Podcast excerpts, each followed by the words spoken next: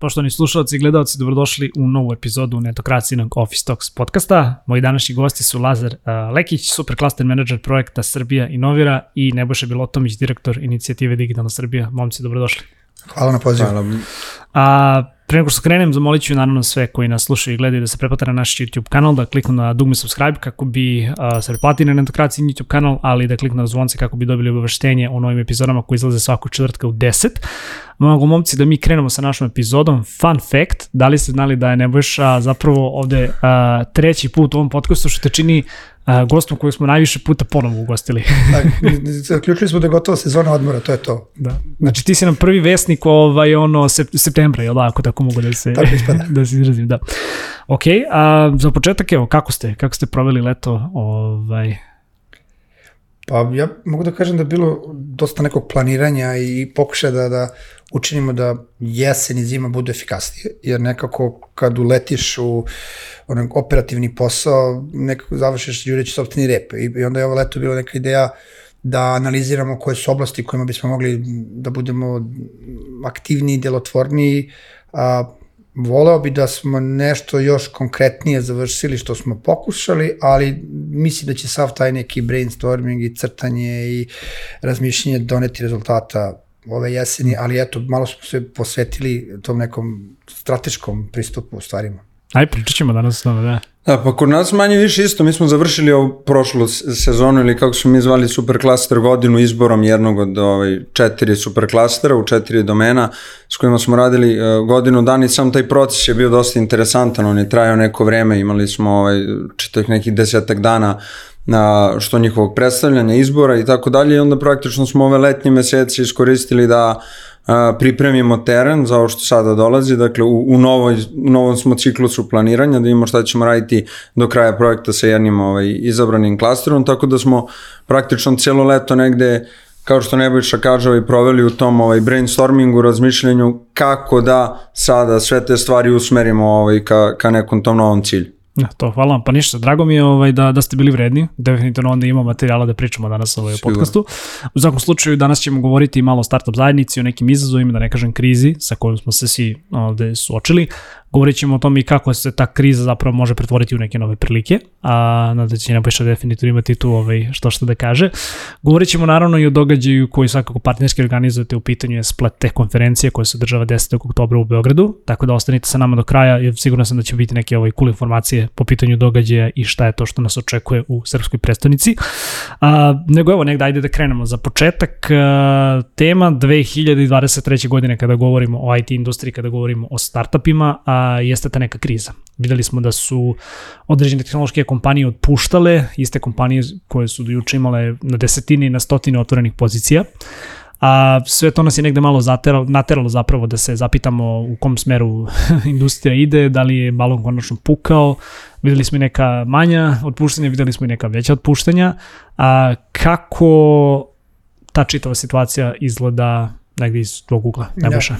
Pa ajde, ja sam ovaj, možda, sad si me podsjetio da sam ti dužan zahvalnost i netokracije tebi lično, jer a, početak leta je počeo tako što su novinari odlučili da naprave veliku priču o tome kako IT propada, baš se sećam toga, Ovaj, i, i to, i ono što je genijalno u tom pristupu, što se to potpunosti poklopilo sa onom periodom kad deca biraju šta će da upišu, odnosno poslednji, ono, da li ću svoje papire na ovaj fakultet.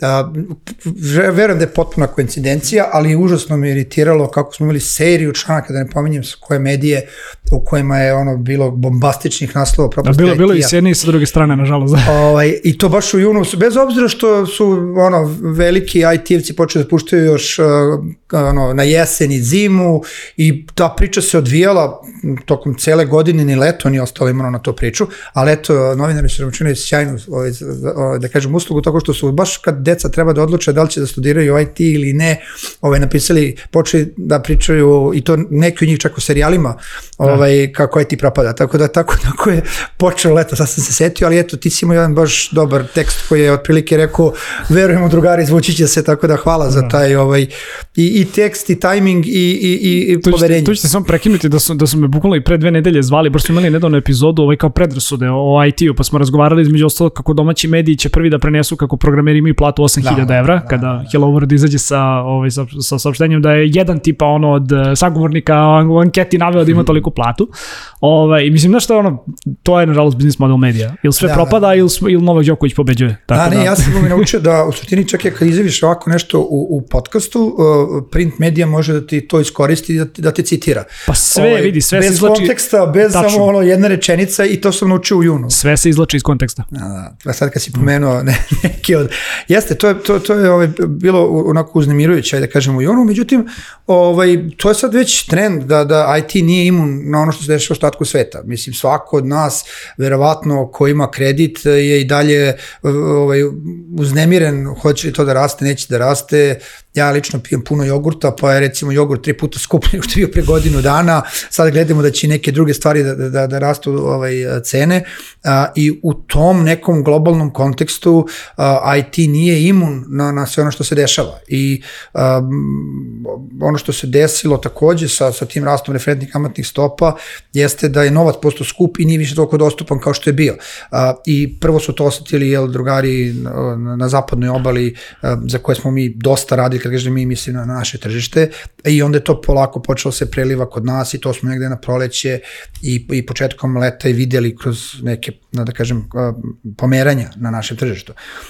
Ono što se nije promenilo, a to je da je IT dalje prisutan, IT dalje potreban, automatizacija, digitalizacija, sve te reči, svi ti izmi e, su dalje potrebni, imamo sad ogroman hype AI-a, chat GPT-a i pa, tako dalje. Da. Ovaj, e, ništa se tu nije promenilo, samo se možda prekomponovala ono, potrebe određenih segmenta industrije. Vrlo šumpeterovski, ono, neke stvari su eksplodirale, neke su počele da, da, rastu. A, tako da s te strane, ovaj, ja mislim da ako pričamo o IT-u, on i dalje je stabilan poslodavac, daje dobre uslove za rad, naravno nije imun na sve ono što se dešava globalno i nije imun na uh, i geopolitiku i uh, financije, odnosno ekonomiju i na pomenutu inflaciju, odnosno indirektni uticaj na zašto se sve stvari pomeraju. IT je sastavni deo sveta. Šta god i mi IT-evci možda hteli da mislimo, to nam je 2023. pokazala. Ako imali smo jake indikatore u 22. i 23. definitivno rekla nismo mimo sveta, ali upravo kad pričamo o tome što je apsolutno što je relativno IT i uh, e, IT industrija su dobar poslodavac koji dalje daje dobre uslove. Mnogi će reći da je u suštini sve ono što se izdešavalo možda neke ajde da kažem, i, i lude momente u, u, oblasti HR-a, odnosno kadrovske politike izbicalo i dovelo stvari u normalu. U smislu Stisnulo se to malo neko reset dugme i kao ajde. Pa da, nemamo više ono kako beše da. senior, ba, bazirno čokolade i šta je bilo. A, da, Miloš Milaković sa da. svojim ovaj, čuvenim klipom, ovaj, kao, Doran, tražim povežicu, kada ste došli ovaj, na posao, pa prošle nedelje. A, Lazare, iz tvog ugla, kako negde gledaš na ovu krizu sa kojim, se, sa kojim su se, da kažem, kompanije suočavale, sa kojim se možda i dalje suočavaju? Pa ja se slažem tu sa Nebojšom da, da je potpuno nemoguće gledati izolovano IT ili inovacije i startupe od ovaj, svega ostalog, ali to ukazuje na jednu dinamiku, znaš, dok se ovaj, sve to dešavalo, srpske kompanije i startupi i timovi su bili po nekim raznim mestima i konferencijama i donosili neke ovaj, dobre priče globalno iz sveta i e, nemam utisak da nešto sada to preterano a, stoji, naprotiv sada kako kriza ajde prolazi, pričat ćemo kasnije verovatno i o, i o investicijama, bio jedan pad, to će doći u nekom trenutku u, u normalu, a, to istovremeno predstavlja jednu priliku da sada kada su se novi poslovi rađaju, kada no, ovaj, su kompanije, strani partneri u kojoj god oblasti u potrazi za novim tržištem, dobrom investicionom prilikom, dobrim partnerima ili dobrim rešenjima kako da oni postanu nešto konkurentniji i bolji, no ovaj, to, to jeste neka prilika gde a, možemo da se pozicioniramo. Tako da a, sa naše strane mi kažemo pa dosta radimo sa stakeholderima iz svih ovaj, a, stakeholderskih grupa, da tako kažemo, kompanija su svakako jedna od njih, svi su svesni da postoji problem, osetili su ga više ili manje, opet zavisi od sektora, razlikovali su se potpuno u, u odnosu na to da li ste u gamingu, blockchainu, B2B SaaS, nekom biznisu ili nešto treće, razlikovalo se koliko vas je ovaj, e, kriza pogodila i na koji način, ali vidimo da dinamika postoji i da, uh, se deš, i da imamo već jedan trend onako dešavanja nekih dobrih, zanimljivih priča gde naše kompanije i timovi uh, bivaju viđeni kako rade neke dobre, zanimljive stvari sa, sa dobrim partnerima i eto, mislim da sada ovaj period koji sledi jeste jedan period koji će biti dosta intenzivan i gde treba zapravo da onako usmerimo napore da te prilike iskoristimo. Ja, I da. još jedno, ako mogu da dodam šta, šta se meni sviđa oko, da kažem, trenda koji se dešava. Nekako uh, sa dostupnošću novca i njegovom, da kažem, relativnom ono, jeftinoćima i tako da se izjasnim, uh, zaboravili smo da je startup kompanija koja u nekom trenutku treba da postane profitabilna i da je taj moment što pre to bolje ovaj, i da u suštini e, nije to inženjerska priča u kojoj se mi igramo kako ćemo da napravimo neko tehnološko rešenje ili proizvod bez svesti da li je neko spreman da plati za njega, koliko je spreman da plati, kad će to postati profitabilno, taj, taj ceo posao, jer mi, mislim, imamo celu generaciju koja je odrasla sa idejom da Uber nikad nije bio profitabilan, da Amazon dobrim delom što postojanje 15 nije, godina nije bio profitabilan, da? Da, a, da Netflix, ne znam, mislim, još uvek nije profitabilan i kao svi gledamo koliko korisnika ima i koji je trošak akvizicije korisnika, a niko ne gleda to dole minus. A negde suština kompanije je da stvara vrednost zaposlenima, vlasnicima, celom društvu, a ta vrednost se najčešće opčituje u toj nekoj brojci koja je na dnu financijskog izveštaja. I ono što je takođe zanimljivo što sa tim stavom mi smo gradili kompanije koje možda nisu bile onako dobro zaokružene, a to je da kompanija mora da ima i dobru prodaju, i business development, i product development, a, pored svih ovih stvari koje smo voleli da radimo. I da nam nije jedino da kažem, digitalni marketing, jedini marketing koji postoji, sad sam igrao malo sa algoritmom, trošimo neke pare da vidimo uh, kako ćemo da postignemo. Sipamo novac i akviziramo korisnike, da. Akvizicija korisnika je jedna od ključnih stvari za svaku kompaniju. Startupi su kompanije koje svaka druga sa nekim specifičnostima, ali kompanije koje svaka druga koja treba da se bavi akvizicijom korisnika. I odjedno smo se vratili u neki svet u kome prode akvizicija korisnika, trošak akvizicije korisnika su jako bitni i da planiranje ide u smeru da što pre imamo što više korisnika i da ti korisnici budu zadovoljni i da oni troše novac na naše usluge i proizvode. Imali smo gotovo dve decenije vremena kada to nije bio slučaj, nego svi mm. smo nešto, kako ono beše, kreći se brzo, ruši stvari, nađi oblast koja nije dobro definisana i napravi neki dar mar u njoj i onda objasni investitorima kako su sad ti revolucionaran.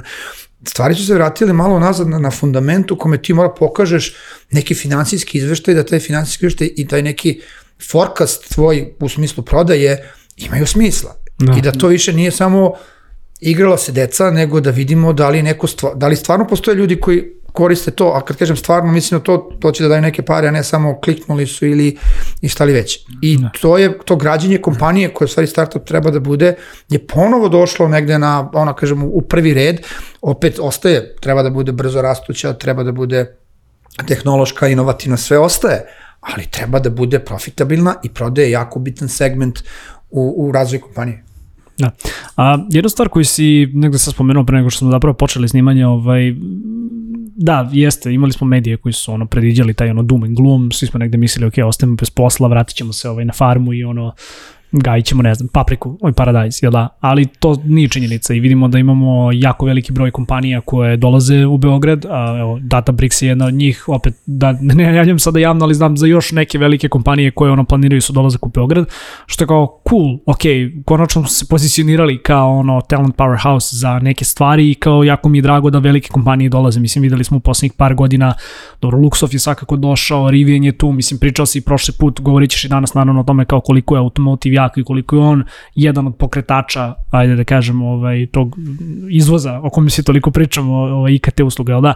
Ali ono što sam te pitam, a, ako već govorimo o tome da nismo baš toliko propali, A, I ako govorimo opet o tom nekom resetovanju da ljudi koji možda su radili u outsource a, kompanijama sada mogu da rade u drugim nekim kompanijama koje dolaze, kako ti negde vidiš i šta predviđaš možda će se desiti po pitanju kadra?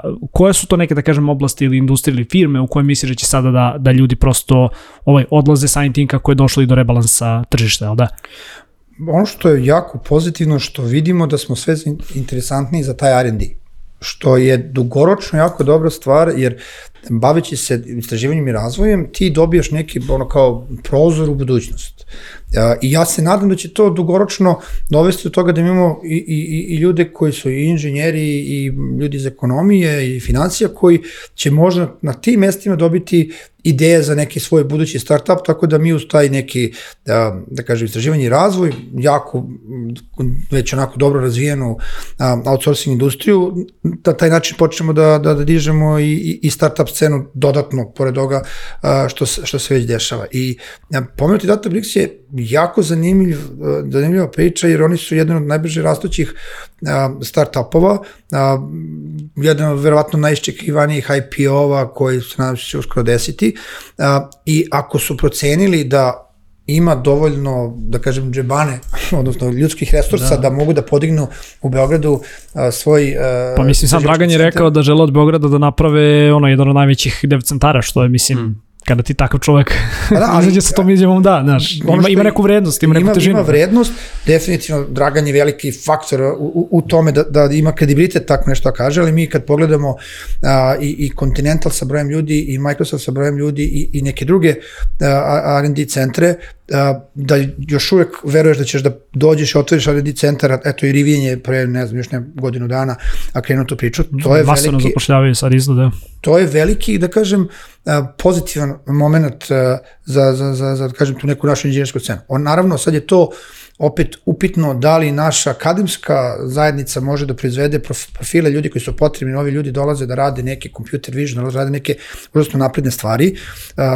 to je sad pitanje da li možemo da napravimo dovoljno visoko profilisane ljude da, da budu interesantni, da ti naši R&D centri, pošto tu je tuča, nikad ti niko ne da da napraviš tim, nego ti se izboriš da napraviš tim i svaki rast tvog tima je na osnovu nekih rezultata koje si napravio. Tako da je jako bitno da ti naši centri za istraživanje razvoj u svojim firmama budu vidljivi i da dobijaju a, neke, da kažem, pluseve kako bi nastavili da rastu. I a, a, tu negde odgovaram i na tvoje pitanje. A, automotive pratimo ga već e, godinu dana, prošle godine, ako gledamo broj oglasa za IT posao, najviše je oglasa došlo upravo iz, iz, iz tog sektora, ne iz nekih tradicionalnih a, sektora. A, vidimo da, da ima takođe tih novih igrača na tržištu koji otvaraju a, svoje šopove, da kažem tako, u, u, u Srbiji. Sve to nešto što daje neku ono kao dozu samovernosti da ćemo se prekomponovati i da će dalje IT biti neko ko daje cutting edge i uslove, ali i priliku za profesionalni razvoj. Ja, ja bih to možda dodao da upravo to što ne boš rekao da li akademija i ajde drugi edukativni programi mogu da, da proizvedu kadar koji je potreban i nešto zašto treba da postoji neka facilitatorska uloga u ekosistemu i što super klaster kao model ovaj, zapravo gde i da svi na, na svoj način neki klaster treba da odigra važnu ulogu a, i ta zapravo uloga R&D centara nije da je samo dobar pokazatelj, nego je i ključna. Mi smo sad imali situaciju kada smo morali da odeberemo jedan od e, četiri super klastera s kojim ćemo nastaviti da radimo. Mnogo je bilo važno da li se ovde dešava ozbiljan pionirski razvoj. Ako nemate ovde veliku kompaniju iz određenog sektora koja je ovde prisutna sa svojim istraživanjem i razvojem, nego samo jeli, prodajom ili čak nije ni prisutna ovde, nego negde u regionu, e, to znači da treba postaviti pitanje da li se zavaravamo da tu stvarno imamo neki potencijal, jer ako neko ko ulaže i gleda da ugrabi na nekom novom tržištu gde mu je još povoljnije da uzme nove radnu snagu i priliku, ako ga nema i nema nikakvih indicija da će se pojaviti, da li onda to znak da, da tu zapravo imamo potencijal da u kratkom roku napravimo veliki rast takav da realno možemo da stignemo razvijene zemlje, jer dok mi uh, napredujemo, ovi što su napredovali prethodnih 30 godina ne stoje, nego se i oni kreću. Ovaj tako da eto to sam oni, da ali, oni, oni brzo važno, oni brzo da. hodaju mi moramo da šprintamo. Ali da. ima dobar primer baš sa tržišta. A, gledajte, Bosch ajde, poznato je, dugo je tu, ima nekoliko hiljada ljudi u Srbiji, ali onda je Bosch Digital krenuo da povećava broj ljudi koji su upravo negde IT-evci dominantno I uh, samim tim vibrantnošću koja se to desila, je došli smo do toga da sada uh, globalni program uh, Bosch Harbor, koji je neki akcelerator, odnosno a, jeste akcelerator koji Bosch organizuje za područje cijele Evrope, sada gleda i Srbiju kao neko mesto dakle može da povuče start-upove. I to je prilika koja se otvorila, koja se otvorila zato što smo prvo imali R&D gde smo imali super ljude koji rade super stvari, pa je onda neko u korporaciji rekao, je, ako imamo ovakve ljude u okviru našeg tima, verovatno onda postoji i šira scena i sada je Bosch kao, da kažem, veliki globalni igrač spreman da sarađuje sa našim startupovima i eventualno ako budu dovoljno dobri da a, ih povuče u neki svoj program i uradi ono što akceleratori obično rade. Što je izuzetna stvar, jer, mislim, takav partner, potencijalni kanal prodaje su izuzetna stvar. Za, za bilo koga a, a, ko, ko je u, u toj industriji. Ali to su te stvari koje se dešavaju gradacijski, a, što ti kažeš, dođe velika kompanija, pa ona ima neko svoje istraživanje, pa iz tog istraživanja ide bliža saradnja sa ostalim akterima na tržištu I to je nešto što je jako bitno i, i dobro da, da se dešava i to dolazi do tog efekta klastera, odnosno prelivanja toga da privlačimo druge profesionalce i da se znanje uh, širi među ljudima koji su već prisutni i da se onda ona plima diže sve čamce efekat Tako, da, da bude vidljiv. Tu, tu mi zovemo to na projektu i ono efekat hibridizacije, da ti praviš od jedne tehnologije onda neke druge stvari koje mogu se koristiti u drugim uh, industrijama i on ti u tom slučaju čak i koristiš ovde neku outsourcing kompaniju za neki ozbiljan R&D koji se ovde dešava, onda oni dobiju neki novi set Aha. znanja i ideje i tako dalje, pa onda će bliža saradnja sa fakultetom, profesori bivaju motivisani, studenti bivaju motivisani, svašta je tu nekih eksternih faktora koji su važni kada imamo na ovaj R&D. Ovaj, da, to je onaj lep primjer kako izlazimo polako iz outsourcing ovaj segmenta, ali da ne, da ne pomisli sad da ljudi ovaj koji ne slušaju ili gledaju da ovde ovaj, olajavamo outsourcing. A, jednu stvar koju smo se opet malo čas dotekli u pripremi, ali evo krenut ćemo sa, sa Lazarom, a govorili smo o tome, ok, imali smo neke outsourcing kompanije, imali smo i druge neke veće kompanije koje su nažalost bile primorane da otpuste ljude i da ipak da kažem malo ovaj ono zbi, da probaju da sabiju svoje redove da prežive što, što je da kažem sasvim normalno za, za jednu kompaniju. Sa tim nekim viškom kadra koji je ostao, ako tako mogu da se izrazim, ne znam da li smo ikada imali višak uh, talentovog i tehničko pismenog ovaj kadra u Srbiji, ali imali smo dakle neke ljude koji su odjednom postali dostupni. A, drago mi je negde da mogu da kažem da uglavnom smo videli da su se ljudi ili snašli ili da su da kažem akvizirani čitovi timovi u određenim slučajevima što na primjer možda još jedan od ovaj da kažem nekako super pokazatelja da ova industrija ipak imala sluha i za ljude a ne samo za za novac i za i, i za tehnologiju jel da? A, da li su delimično startupovi imali inovativne kompanije a, imali nekakav benefit od toga što su ti ljudi tehnički e, potkovani sada postali dostupni ili su možda da kažem imale i velike neke kompanije iz tradicionalnog sektora poput Telekoma poput e, banaka koje, kojima se da kažem sada oslobodio tehnički kadar. Evo, krenut ćemo sa, sa tobom i tvojim nekim viđenjem ove situacije. Pa da, sigurno, mislim, meni je tu, ovaj, slažem se pre svega s tobom i, i osnovna mi je ono, ne, neki kao lični utisak kako formiran, da li poznajemo neki ozbiljan uh, inženjerski tim ili mnogo njih koji su sad bez posla i ne znaju šta će sa sobom, mislim, to se jako ovaj, redko dešava i da, mislim da uh, Načelno jeste, jer ajde, ako ništa, ono neki ljude koji bi možda imali takve afinitete, ako su se našli u toj situaciji, možda su bili neskloni da to menjaju, pa im sada učinilo interesantnije jer imaju ovaj, tu priliku, verovatno jesu nešto dostupnije, a sa druge strane neke kompanije su se snašli na drugi način tako što su ovaj, bile otvorene da te inženjere koji su, kako se to kaže, na klupi, ovaj, bili spremni da ustupe u vidu svoje investicije nekom startupu kome je bilo nedostupno i da iskoristi tu uslugu ili da ovaj, zaposlite neke ljude pa se tu možda napravila, napravi ovaj neki uh, drugačiji model.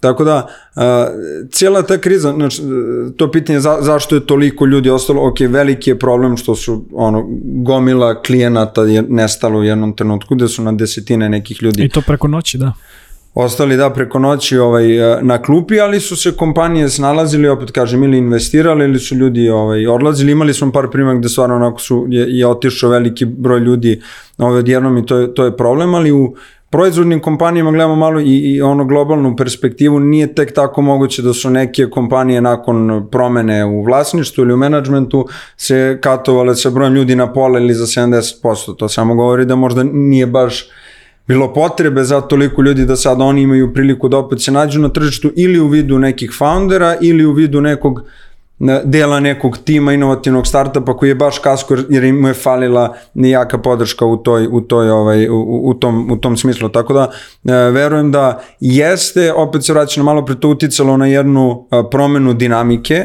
koja ja načelno mislim da je uh, dobra zato što uh, neke ljude pogore iz nekog, da kažem, njihovog okruženja gde mi možda stabilno ne razmišljaju ovaj, o nekoj promeni, a zapravo bi mi prijala, tako da da, sveopšte moguće da je bio jedan onako pozitivni efekt svega mm. toga na, na startup. Pa malo su se stvari protresle. Da. Ne, stvari su se definitivno protresle i ja očekujem da, da efekt to što tvoje pitanje negde sugeriše da su ljudi pregledaju neke ili tradicionalnije poslodavce ili možda startup, možda to budemo videli u toku ove jeseni. Ja iskreno ne mogu da kažem, jer mnogo toga se dešavalo u toku proleća i zime, odnosno samih otpuštanja.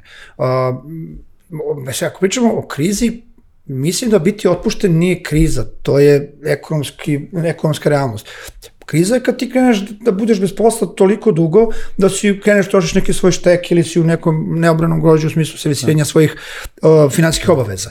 Da, da smo videli takvu neku situaciju ili čuli, sad neću grešiti dušu, ne znam šta je sve postoji, ali recimo mi smo od nove godine na ovamo počeli da, da dobijamo informacije o ljudima koji su ili na benču ili na izlaznim vratima ovaj, i on, ono što su bar bili komentari po raznoraznim grupama, Reddit i tako dalje, ljudi su se snalazili za nekoliko nedelja. Mislim, tu samo moram da kažem da su i malo kompanije, ipak od nas ispale fair, naš nije to kao to na zapadu da, da ono dođeš da. uh, su, ono, sutradan na posao i ne možeš da se uloguješ na, na laptop, da. ipak naš zakon ovaj, o, ono, o, o radu sprečava te stvari i kompanije su, ajde, odbranit ću ih malo ovde, kompanije su u većini slučajeva ispale fair, jer su uglavnom više meseci držale ljude na benču na punoj plati, kasnije yes. su im davale još neke mogućnosti da koriste ono opremu da rade, znaš, imali su neke određene benefite da taj rez ne bude baš toliko drastičan. Dobro, evo, ako mi dozvolite opet plus na vas novinare, Vuk čovjek napisa šta mu je na srcu, pa ispade loša vest. Ovaj, negde, negde, negde s Evo, naš medij, naš medij, naš medij je verovatno jedan od red, redkih koji je ono pohvalio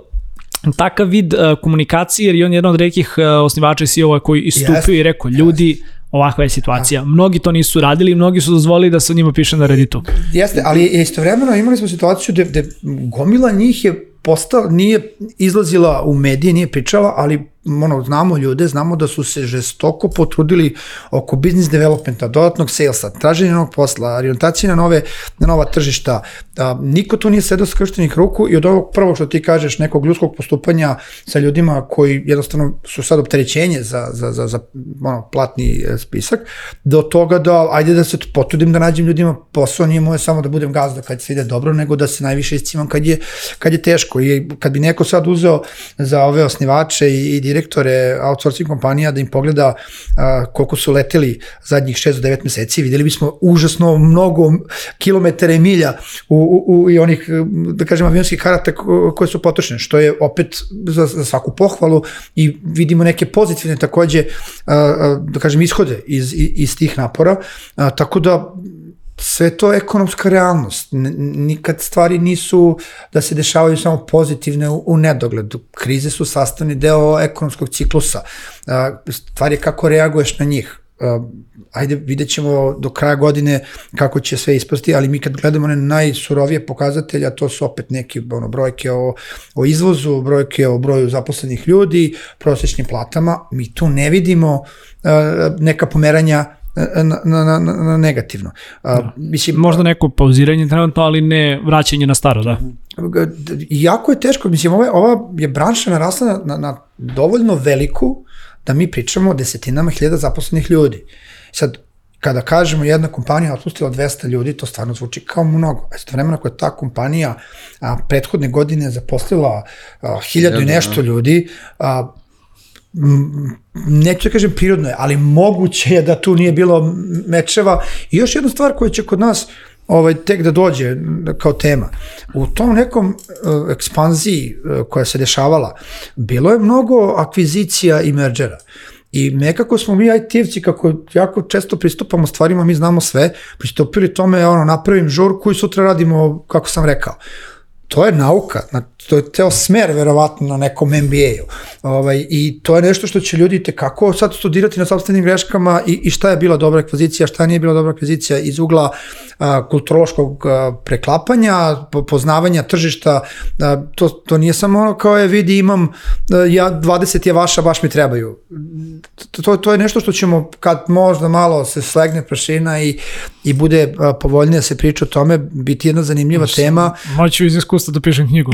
to ti ćeš imati, da, da, kulturološki sve ostalo, da, da, da dobro da. ispričaš priču, ovaj, ali bilo je takvih primjera i tekako i kraj 22. i, i 23. kad pomenjamo grupe, onoliko pisanja o tome, ali i to je nešto, ajde da kažem, kao sazrevanje tržišta. Mi smo imali to kupnjavanje tržišta gde su, da kažem, firme sa većim kapacitetom da podignu finansijska sredstva kupole druge kompanije i uklapanje tih uh, kompanija je jedan onako ozbiljan proces i redko je to baš i, i, i u razvijenim tržištima sve poloje. Mm -hmm. Tako da. Pa ne, ništa, apsolutno, ovaj, slažem se i opet bi se vratio na to da na kraju, ono dobro je da se u domaćim kompanijama zadržao taj ovaj, domaćinski odnos, uslovno rečeno, da su stvorile na, onako porodična atmosfera da niko tek tako ne dođe i kaže ovaj, sutra Ćao, ste off. Si, da. I na kraju opet kažem opet, ja sam počeo, i, i zato sam se ogradio, ono, ja lično ne poznajem, a sada da znamo da ono, da. cijel tim ostao nedeljama ili mesecima, ovaj, bez osnovu uglavnom što ne, Nebojša kaže rešava se u par nedelja, hvala Bogu da je tako što isto tako indikator toga da posla ovde ima, ovaj, u IT-u, da, da dolaze neki novi projekti, da se stvari dešavaju, da ne stavim. Da. Znači samo da posla ima, definitivno se sam posao menja, ajde nećemo sada da otvaramo AI temu, to da, je nešto što ćemo svakako da slušamo na spot, na spot konferenciji, evo shameless plug, ali kao ajde, govorimo o krizi, ali onda izađe Narodna banka Srbije sa podatkom da smo u prvih pet meseci 2023. godine izvezli 1,34 milijarde evra, što predstavlja rast od 40,9%, odnosno na isti period prehodne godine, da kao, kako kriza? Kako ne biš ti gledaš te podatke? Pa dobro, prvo pitanje koje sam i tebi pomenuo, a, mi jako često kad neko kaže izvoz, zamišljamo to neka kompanija koja je fakturisala nekom klijentu. Outsource kompanija koja, čiji ljudi sede, e sad, programiraju ja i izvoze usluge. Ne da. da tvrdim, ali ja verujem da i kad kompanija ima internu fakturu, kad sobstvene kompanije, odnosno pomenuti centri za istraživanje i razvoj, da to doprinosi tom izvozu. Tako da, Sigurno.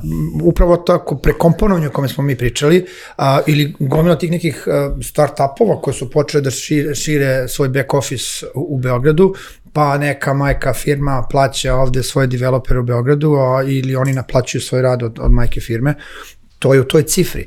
Da, tako da ta cifra nam ne otkriva kako se prekomponovalo, ali negde bi trebalo da nam kaže da, da ovo što čemu smo Lazar do sada pričali, odnosno, ima. ako neko krene komentarima bi o tome će opet brani da kaže, evo, evo sad je Marko izašao sa cifrom koja kaže da se, ne, da se stvari ostale na nekom svom pravcu, samo sve ovo što svi znamo, što smo svi videli, to je sad taj neka ono, da kažem, neke strujanja ispod u kome iz jedne oblasti idemo ka drugima, definitivno bilo otpuštanja, definitivno bilo novih igrača na tržištu koji su onako imaju autoritet i očekujemo njih da ozbiljno doprinesu razvoju tržišta, a ta brojka bi tu trebala da nam kaže da je to tako i da nije podložno utiscima, nego da ako nastavljamo da izvozimo, onda smo traženi. Ok, hvala ti.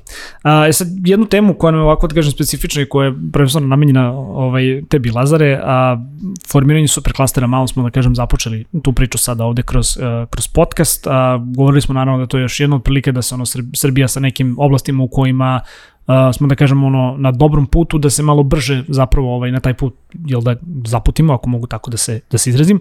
A šta nam možeš reći o prvom srpskom da kažem superklasteru? Nam da je svakako izabran ovaj odličan 3 iz oblasti ovaj web 3 koji jeste da kažem jedan ovaj jedna svakako oblast preko ono po kojoj smo da kažem možda i najpoznatiji poslednjih godina, ali evo malo da kažem da da razgovor usmerimo i i u tom smeru. Da.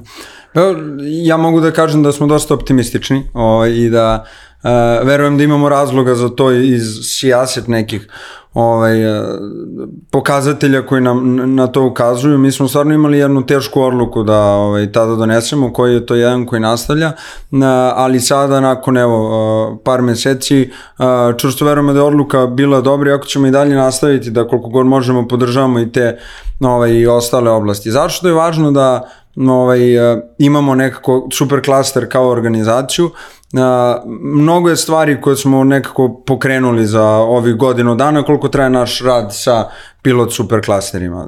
To je, mi smo izračili neki 10.000 ljudi je na neki način ovaj, dotaknuto našim inicijativama. Mi smo za ti godinu dana pokrenuli 70 nekih programskih aktivnosti koje su mogli da bude neki program podrške startupu, rad na nekom delu regulatornog okvira, prisustvo na, na nekim velikim globalnim događajima, dolazak nekih uh, ljudi koji su relevantni u svojim sferama u Srbiju, različiti programi neformalni edukacije koji upravo treba da pomognu da taj gap uh, prevaziđemo kada je u pitanju to, taj brzi transfer u određenu na industriju. Mnogo rada na edukativnom programu u, u smislu formalnog obrazovanja, da, da uvodimo neke na, nove teme i sve su to neke stvari koje Superklaster treba da omogući kao dodatak razvoju na, u toj industriji. Zato verujem da nekako ako uspemo da a, sada iskoristimo taj dobar temelj koji smo napravili i da iskoristimo i tržišni moment i moment razvoja te tehnologije e, da na određeni način probamo da pozicioniramo Srbiju kao mesto ozbiljnog pionirskog razvoja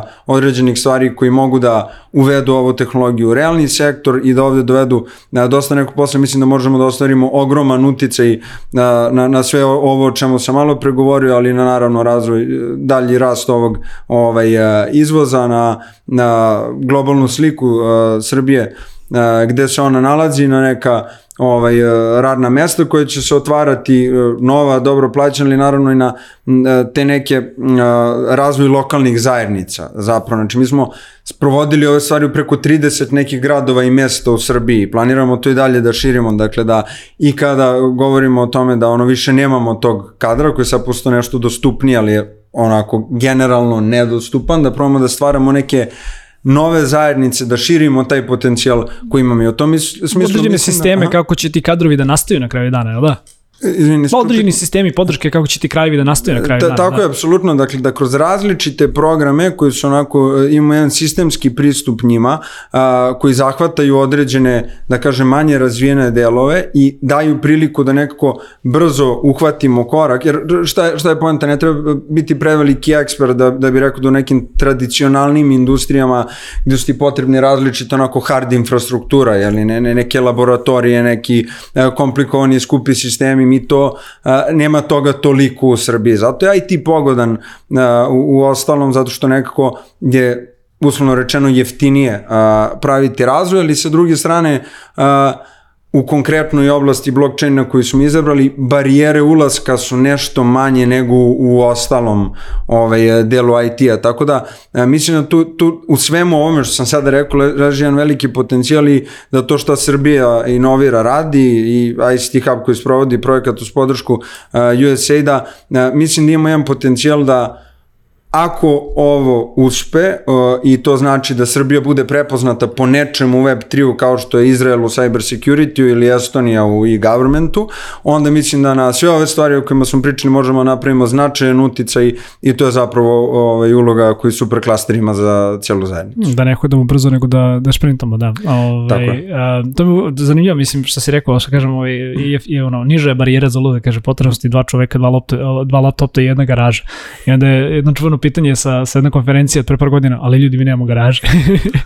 A, odličan tri, to je da kažem, izabrali, izabrali ste ovaj, taj tim kao prvi srpski superklaser, pa šta nam možda možeš reći o ekipi koja to vodi generalno, možda o projektima koji će se ono sprovoditi u okviru uh, tog prvog uh, superklastera? No. Uh, pa evo, mogu da kažem da Uh, smo, što se tiče sada nekog onako razvoja projekta koje smo sada fazi, sada je faza nekog novog planiranja. Trenutak je da sada sednemo i vidimo šta smo to naučili ovaj, u prethodnih godinu dana rada, šta su dobre stvari, šta je moglo bolje i ono što je najvažnije neki novi potencijali koje smo otkrili a nismo bili svesni njih. I to nam se desilo nekako u, pre, u prethodnom periodu radili smo sa četiri klastera trudili smo se da ravnopravno pružamo podršku svima i stvarno smo intenzivno radili i neke premise od kojih smo mi počeli projekat da ako se udružimo i zajedno poguramo da ima više inovacije u nekoj oblasti da to stvarno ima smisla ali su među vremenu otvorilo dosta nekih ideja o pravcima koje nismo mogli da vidimo ovih prvih godinu dana ili godinu dana bilo previše ograničeno vreme da bismo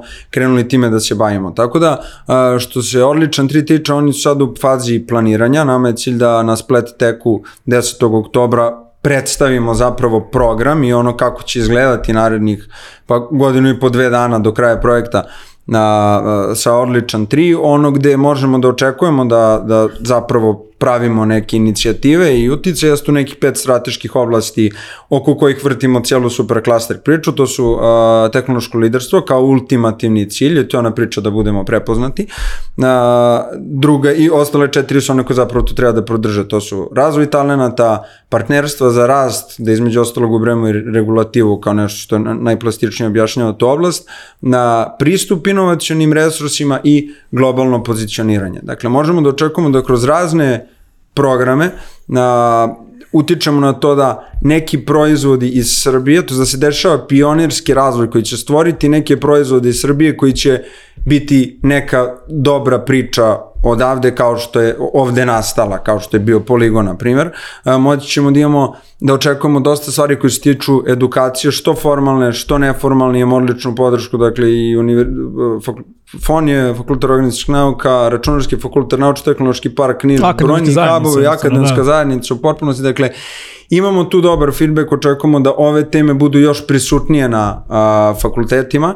A, očekujemo da nastavimo Web 3 Web 2.5 akademiju. Dakle, Web 2.5 akademija je taj koncept sa ono, ljudi koji imaju tehničko znanje nisu u Web3 nalaze se bilo gde u Srbiji, hajde da prođemo sa njima kroz nekoliko morali da dobiju odmah realan projekat na mogu da, da počnu da radi tako dobiješ u Negotinu, Majdanpeku ili drugim manjim mestima ljudi koji su zaposleni u IT-u i rade na ozbiljnim projektima. Očekujemo da srpska Web3 zajednica bude prisutna na najrelevantnijim događajima ovaj, u svetu, da se tamo promoviše, dodatle donosi neke dobre priče, kao što smo to radili u prvoj godini, očekujemo da sigurno neki značajni ljudi ovaj, e, dolaze ovdje i da probamo nekako da Srbiju pozicioniramo sve nekako globalne inicijative koje su a, e, važne, koje nama daju kredibilitet da mi odavde postavljamo neki standard, a da istovremeno budemo standardizovani u smislu regulative da onda to možemo da prodajemo bez ovaj, problema. Tako da, očekujem širok spektar aktivnosti koje gađaju onako najrazličitije uh, aspekte ekosistema i pokazatelji koji su važni da pokazuju da on raste, ali ako se sada setimo kada je ovaj, uh, ovaj kako zove Startup Genome došao prvi put u Srbiju pre par godina i prepoznao uh, gaming, blockchain i gaming, blockchain, tako da. je, mislim da sada kada se vrate imali bi šta da vide i mislim da ovaj, se to pokazalo uh, kao jedan dobar pravac i volio bih da vidimo opet da uradimo to dubinsko istraživanje da vidimo šta sada ovaj, kažu podaci. Ja. Ako ja mogu da dodam nešto na to, meni Naravno, je ovaj, akademija bila nevjerovatna u smislu koliko se ljudi javilo na te neke prve inicijalne programe koji su napravljeni i tu je bilo nekih 500 ljudi koji su hteli da rade i još, ono što je još interesantnije, što to nije bilo skoncentrisano na jedan, dva grada, nego na, na veliki broj mesta, dakle su se ljudi javljali i, i to je pun taj kapacitet koji pokazuje šta IT može da uradi, jer a, ti možeš sa bilo kog mesta da doprinosiš i da budeš deo napora a, i, i sama činjenica da je bez velikog marketinskog napora, da kažem, za, za, za dva po akademiju, veliki broj ljudi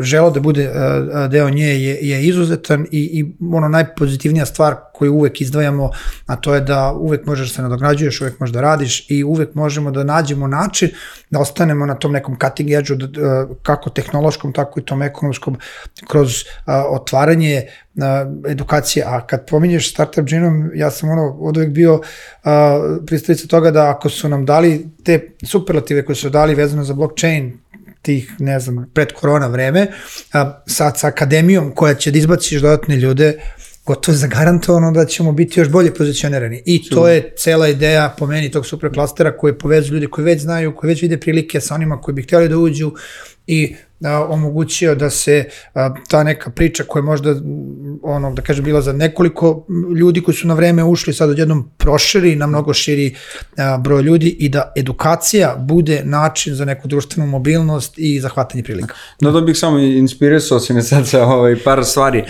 Jedna je da A, dakle, pored Web 2.5 akademije imali smo Web 3 akademiju koja je za malo naprednija, ali tu smo gledali da pokrijemo onako ceo spektar, dakle različite sa ne samo developer, nego i marketing i product i slično da se nadovežemo na sve one stvari ovaj, koje su važne da možemo da zaokružimo sistem i stvar koja je a, dosta važna za, za ono potencijal razvoja jeste da ta ekipa koja se tu kreće je jako otvorena i spremna da deli, da kroz različite programe, u različite programe investira, ne bili se ta zajednica proširila, proširila i da nekako da. više postoje ovaj, uh, Ivan Bijelajac to često kaže da uh, zašto je Web3 super za super klaster, zato što je to izrazito klasterska industrija i tehnologija, neophodno je da postoje uh, ti neki različiti akteri uključeni da bi ona se razvijela sa jedne strane i s druge strane da bi imalo smisla da se razvije, odnosno da uh, postoji tržište. I vraćajući na trenutak na Startup Gino možda jedno onako inside info koju ovaj,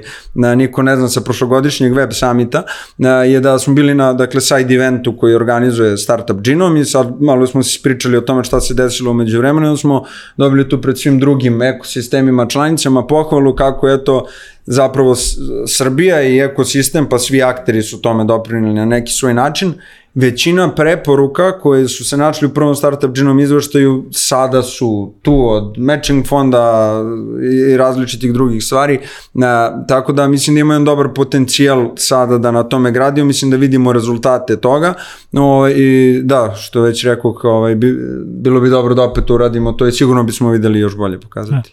A, jedno od pitanja koje sam svakako negde imao u pripremi jeste da malo pričamo o zajednici, ali mi je drago da ste apsolutno sve rekli što sam hteo da vas pitam, tako da ćemo to pitanje preskočiti. I, i taj, izvini, evo sad da si mi ti inspirisao, ali taj local connectedness koji je onda da, da, da. prepoznat kao mali, ja mislim da je sada Ovo je e, stvarno ludilo. Zadnje dve godine smo odlično, baš napredovali u tome da ljudi izađu iz svojih silosa i počnu da se povezuju i da pričaju. Sad stvarno sam, svi se znaju, to sam, to sam zapravo sobom, hteo da pitam. Baš, kao, imam utisak da prehodnih par godina i bilo kao da su se malo više ljudi onako daljili i nisi imao toliko meetupa, nisi imao toliko da kažem nekih okupljenja. Ljudi su naš onako malo zabili glavu u svoje i ono bavili se svojim stvarima. Čini mi se da evo sa Web3 da je to možda jedna od redkih da kažem, industrija ili ono podkategorija gde ljudi i dalje naš ono insistiraju na upoznavanju, na networkingu, na svim tim nekim stvarima koje čine zajednicu. Dobro, imali smo i događaje, mislim, imali smo i neke inicijalne kapilce, znaš, mnogo toga se desilo, od ne znam, no. katapult, garaža, klasteri, Tako. dešavale su se stvari koje su privlačile ljude, da same organizacije podrške su počele da se sinhronizuju, da rade zajedno, da, ti imaš veliko približavanje NTP parkova, da, da imaju zajedničke programe, vidimo da se recimo Raising Starts proširio iz Beograda sad i, i, na Čačak i Niš i da, da, je to sad jedno ono kao kampanja za, za celu Srbiju, datle nam izde startupovi. Druga kohorta katapulta je u odnosu na prvu bilo tu negde u nekim parametrima i bolje, što opet pokazuje neku dubinu. A, broj startupova nam je a, porastao, a, broj konferencija koje se dešavaju a, je porastao. Svi ti neki događaji koji okupljaju ljude a, su imali trend rasta. I to baš onako eksplozivan zadnje dve godine no. i velika je sad napor da za to zadržimo i u godinama koje su ispred nas. Ja, ja mislim da smo imali ono, bar jedan meetup nedeljno u da. proseku pro, proteklih, ajde, godinu i po dana Ovo je, na primjer, tako da, znaš, mislim da stvarno imam utisak da se mnogo više ljudi međusobno poznaje i da, i da je to super sad. Da, mislim, utisak koji, koji svi delimo. Ali evo sad... Možda, se, da, da, možda se promenio malo format, postali su nekako događaj onako intimniji, nije više ono je dolazi neko pa i sad svi dođite, nego postoje par nekih ono kružoka ljudi koji se sa... Ne, napredovali smo toga da smo gladni da čujemo da nam neko kaže kako, da smo došli do toga da delimo, e, ovo sam ja radio, ovo radio, ovo ne radi. I mislim da je to zadnjih godinu i nešto glavni format u kome neko dođe i ispriča onako potpuno otvoreno, e, ja sam ovo radio, to radi, ne radi, i, i podeli iskustvo, da neke savete. Imali smo dosta takvih događaja koji su onako 50 plus ljudi u kojima se deli iskustvo, što opet pokazuje o napretku a, same, da kažem, a, industrije, tako da kažem, i, na, i, i samog tog nekog ekosistema koji je vezan za startupove. I ono što je postalo jako dobro, a, što su dosta egalitarni ti skupovi. Znači, mm. od nekog ko je dokazani autoritet, do nekog ko pokušava da uđe, svi su tu i svi nešto međusobno pričaju. I to bi trebao da bude taj recept za uspeh. To je ta connectedness koju su nam zamerili da možda nismo imali uh, dovoljno. Čini mi se da smo tu mnogo Sad napredovali imamo, da. da upravo uh, znači deli se znanje, deli se iskustvo, na kraju krava vidimo da, da, da i ta finansiranje postanu dostupnije, ljudi su spremni da stave novac tamo gde su to skoro samo davali savet, tako da pozitivno to trend. I, i u real time-u se dešava, znači imaš ti sad dve kohorte Katapulta, ali još neke kompanije u, u istom, to, u tim tim fazama koji su ono, svi su u sličnoj fazi, a, pokuša, u manje ili više sličnoj industriji, znači, ali u real time se to iskustvo prenosi. Ono što je sledeći korak je da izbacimo Jeste. nekoliko ono, tenderli veličine priča i da onda se u, u tom, a, da kažemo, toj ono veličini e, zapravo u, to, u toj fazi krene kuva da se razmenjuje isto kao i tako. Da, pa, kuva se, kuva se. Ono što će verovatno da nam se desi, s obzirom na, da kažem, globalnu sliku tog dostupnosti novca, je pre neke akvizicije, i to očekujem, i to će biti uspeh za nas, bit će exit. Da, da. Možda neće biti exit kakav smo negde zamišljali 19. 18.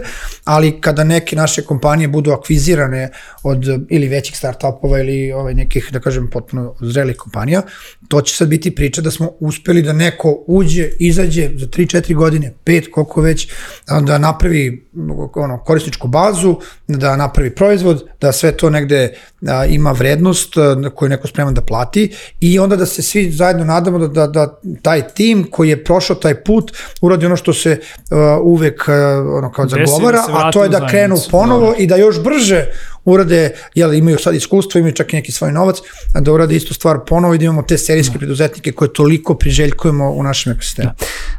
Govorio si, to je govorili ste obojica o zajednicama, govorili ste obojica o okupljanjima. Red je negde da spomenemo i Spletech konferenciju koju, da kažem, vaše dve organizacije ovaj, zajedno organizuju 10. oktobra u Beogradu. A, šta nas očekuje ove godine, kako je događaj zamišljen? Verujem da ćemo imati još, da kažem, više stage-eva i više negde govornika od prošle godine, pa evo, Nevoša, možemo krenemo od da, tebe. Da, ovaj, znači, Spletek pravimo Srbija inovira i a, Digitalna Srbija kroz projekat a, preduzme ideju koji podržava a, USAID, a, da kažem, od, od prvog vagona, od, od, od prošle godine, pa evo i ove godine. I ove godine možda imamo tu neku odgovornost, jer prošle godine smo pravili nešto što nismo znali kako će sve to ispasti. Na kraju smo imali preko 2000 ljudi koji su prošli, užasno e, dobro ispraćeno na, na, na da kažem, medijima e, događaj i ove godine se trudimo da nastavimo u istom smeru. E, prošle godine smo možda malo više pričali o financijama, pristupu financijama, kako doći do toga da neko uloži od tebe. Ove godine ćemo možda dati malo više akcent na tome o, kako se internacionalizovati, a, kako skalirati, kako rasti i shodno tome smo nekako i govornike a, i, i, i teme ovaj, prilagodili, da. da, jeste. A, a, Dragan Tomić će biti jedan od a, kinotova i verujem da on ima izuzetno dobro priču da, da ispriča upravo iz ove cele priče a, velike korporacije, start-upovi, a, neki bi rekli to je velika hrabrost, a ja kažem to je Dragan, ovaj, ali radujem se toj priči. Andrew Gajan iz, iz Roša koji takođe ima upravo tu neku priču a, svoji startupovi, akademska zajednica, pa velika korporacija. To, to nam je neka zajednička nit i gomila drugih ljudi koji će biti na različitim panelima će upravo pričati o tim nekim svojim iskustvima i, i, i kako su došli do internacionalnih korisnika, kako su došli do toga da ovaj, raste kompanija oko njih najčešće.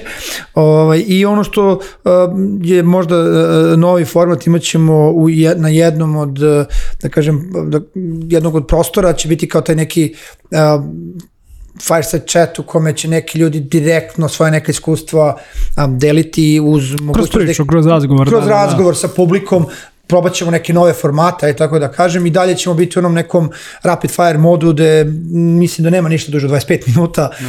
A, ljudi izađu iz priče što imaju i, i brzo se smenjuju, tako da želimo da napravimo taj neki efekat.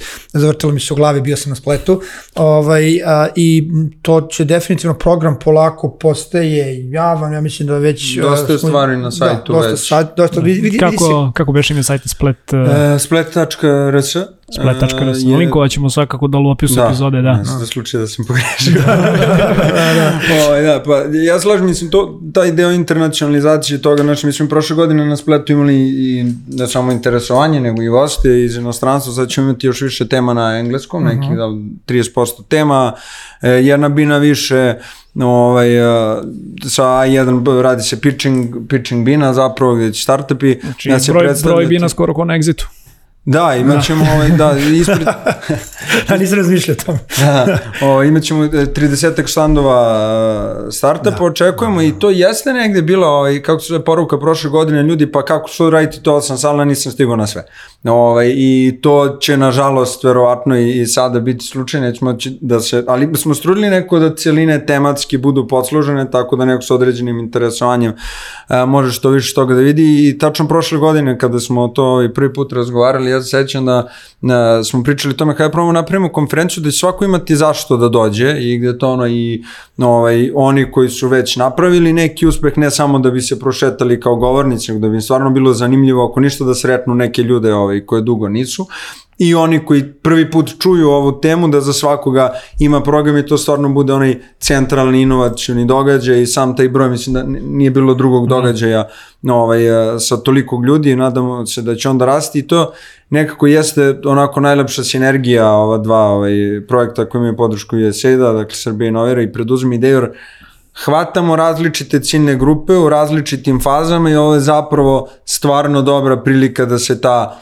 e, sinergija onako da imamo kako to izgleda da u jednom osjetim, danu, da, tako da, je. Ovaj tako da da. da A mi mi smo, mi smo krenuli sa idejom, ej ajde napravimo jedno mesto gde svi ti ljudi koji se bave svojim startupovima jako često vide dva do tri lica mesecima, vide koliko je velika ekipa koja se bavi Dosta energije bre na kraju dana. Ja še prošle godine kad sam došao, ja sam se zapropastio i mi se sprdamo se sad malo ovde kao toliki broj stage Zaista ti kad ono će biti ove godine ako se ne moram Komak dvorani ili da, no, da, Komak dvorana. Znaš kao prepuna prepuna dvorana svaka MTS. ok, vidi, ne znam, ne znam, ne znam da su promenili, ne znam da su promenili. Mi nismo promenili mesto. Seci, seci. Ok, MTS dvorana. Ovaj, a kao šta mi je fascinantno, kao toliki broj ljudi okupljen na jednom mestu i zaista nešto ono kao vidiš se sa ljudima s kojima se jako dugo nisi vidio to sa ljudi koji rade popravo neku drugu priču. Sviđa mi se ono ta neka bre pozitivna energija koja nam je malo... I, a ono što se desilo prošle godine, ja znam da ćemo ove godine postići još veći efekat, a, to je bio kao neka vrsta ispružene ruke od te neke start-up zajednice ka akademskoj zajednici. Jer mm. akademska zajednica je neophodan činilac, da kažem, cele te inovacijne infrastrukture. Bez nje ne može da bude start-up priča potpuno ili ne može da ima potencijal koji može da ima. I, i mi smo nekako i, i trudili se da i u, ono, sa govornicima koji dolaze iz akademske zajednice ili nekim pričama koje su uspešne priče kako iz akademske zajednice stići do startupa, da privučemo ljude koji su istraživači, ljudi koji su trenutno neki doktoranti, osnovne studije, da uh, celu tu priču uh, tog start-upa preduzetništva približimo njima. Da Daleko smo od toga da, da sad svi treba da budu tehnološki preduzetništvo. Ali akademska zajednica jeste nešto što je veliki, velika njiva, da kažem, koja hrani startup zajednicu i, i prošle godine mislim da smo imali pristojan uspeh u tome da privučemo ljude iz akademske zajednice, posebno iz tog istraživačkog i, i da kažem instituta. Ove godine se nadam da ćemo još veći uspeh imati u tome, jer to je nekako, ajde da kažem onako, ja sam predavac, pa pipeline, znači ljudi sa fakulteta, preko ljudi sa instituta, a, istraživačkih centara dođu do toga da prave neki svoj startup, da komercijalizuju nešto i onda ovi ljudi, drugi ljudi koji nisu možda a, iz tih priča, nego su iz neke biznis, ekonomske priče, uđu u, u celu tu priču, pomognu da se to skalira, internacionalizuje i onda imamo neko tržište koje daje dobre poslove i, i zapošljava veliki broj ljudi u startupovima. Znaš iskoristit ću analogiju prodanog levka ovo je top of the funnel. Da, Trebaju nam ljudi koji da, će da. ono doći, upoznati se, videti, što kažeš, nije tehnološko preduzetništvo za, preduzetništvo za svakoga, ali dođite, vidite ovaj, šta se tu dešava. Znači 10. oktobar, a, MTS rana, da, da ne pogrešim. A, I možda toliko vremena da imam i ono jedno finalno pitanje i ovo je ono, da kažem, trik pitanje koje izlačim ovaj, iz šešira. Nisam ga namjerno ovaj, prešao ranije jer mislim da, ovde negde, da je ovo, da kažem, možda najškakljivije pitanje. A, stanje investicija Znam da je to svakako nešto o čemu će se govoriti na, na prestojećoj konferenciji, verujem da je svakako posvećeno dosta nekih ovaj, panela i, i tema tome, ali a, da li je startupima danas teže doći do finansiranja nego što je to bilo a, pre da kažem možda čitave ove krize, dizanja kamatnih stopa itd. itd. Kratak odgovor, ali evo, čuću, saslušat ću da, bojicu. Da, ovaj, pa uh, definitivno jeste, ali opet uh, bio sjajan intervju kod vas, uh, Kobler i, i, i Miloš su imali, ovaj, gde su lepo usmerili to, jeste ako si, ako si tražio seriju A, seriju B, jako je teško. Seed nije toliko zahvaćen to krizom i to se negde očita činjenicom da naša prva kohorta u Katapultu je završila skupljenje sredstava negde u martu i tu su izuzetni rezultati. Znači, izuzetno, uh, znači... Svi su rezovali. Svi su rezovali, svi su rezovali nešto što je uh, evropski prosek, dobili matching fond, ajde, izaći će sa zvaničnim ciframa ljudi iz inovacijnog fonda i katapulta, ali je to bilo u martu, aprilu ove godine kad bi trebalo da je bilo ono kao polarna zima. Stanje, ovaj, I to je taj dokaz empirijski, opet ono kao brojka, brojka, ovaj, da, da smo nekako plivali u, u, u tom nekom najtežem periodu i očekujem da se to tako nastavi. A, mislim da i dalje će biti teško da podigneš 20, 30, 50 miliona. I bit će još teže ja. ako nemaš neke prodane rezultate, nećeš, ćemo, nećeš moći da radiš to, na Amazon i Uber foru. To da. više nije potreban nedovoljno uslov, to je must. Da. To je mas da ti pokažeš da imaš ljude koji su spremni da plate za tvoj proizvod. To kao vidi ljudi koriste, a zašto koriste? Pa zato što je Zašto je džabe. zato što je džabe. To više nije ovaj, dovoljno. Potrebno je imati sales plan i potrebno je baviti se, da kažem, karakteristikama sobstvenog proizvoda, praviti neku cenovnu politiku, igrati se sa, sa nivoom cena. Nešto što možda nije bilo toliko bitno, a kamoli primarno, odjednom je došlo E, to moramo se bavimo time i ja mislim da su to ljudi pokapirali, gotovo svi startupovi s kojima sam u kontaktu, onako, pošto isto vremeno sam jeli i ulažem dosta njih, pričaju o tome kako će biti pozitivni. I to je genijalno, pošto nekako se meni uvek činilo da sam ja neki dinosaurus kog slučaju da biznis mora prave pare, ovaj, pa rekao, ajde, ja sam onda mator, ja to ne kapiram, sad se vratimo da ljudi pričaju ono što sam, što sam ja učen, biznis mora pravi pare. I svi pričaju koliko će brzo doći do toga da prave neki novac. Pazite, ne pričamo mi o tome da to mora da bude, nikad startup neće biti evaluiran na osnovu svog profita ali da može da bude neko ko je uh, pozitivan i da određeni deo biznisa koji postoji već nekoliko godina bude na nekoj crnoj crvenoj nuli, a da onaj, onaj rastući deo finansiramo, to je, to je okej. Okay. Lazare, za kraj. Pa da, mislim, slažem se sve u principu i e, Dobro bih, znaš, to, to je prilika sada kada je manje ovaj, novca u opticaju i nije toliko jeftino, onda se ističeš već kvalitetom a, i, i time šta radiš i koliko si profitabila na ne nužno tipa geografskom lokacijom i slično, što može bude prilika za, za neke naše kompanije. Imao si ono veliki pik, onda je bilo ovaj, pad nagli, sada će to ne, ne, u ne, ne, nešto će postane nova normala, ali će uh, se nastaviti investiranje i tražit će se neke nove investicione prilike i mislim da to ono treba da pogledamo isključivo kao priliku koju treba da iskoristimo. Da, da, hvala da. vam bojici. Ja bih za to samo za kraj dodao, negde mislim da smo tokom godina ovaj, uh, naučili da budemo daleko više ono resourceful, jel da, nego što su, na primjer, da kažem to, ovaj, ono, startupi na, na zapadu, koji su no, se ono, gađali tam teh, teh crunch pornografijom koja je koliko reizova para, jel da, i onda mislim da je ovo možda još jedan od dobrih pokazatelja, ok, nisu bile tolike evaluacije, nisu se tolike cifre dizale, naši startup ipak koliko toliko znaju da ovaj da preguraju i sa i sa manje novca neke ja stvari. Ja sam propustio da, da imam svoju sportsku analogiju, pa mogu da kažem ako Ajde se trčiš kraj, i lomiš, spečiš čak i Litvanci ti daju trojku. Da. Istina.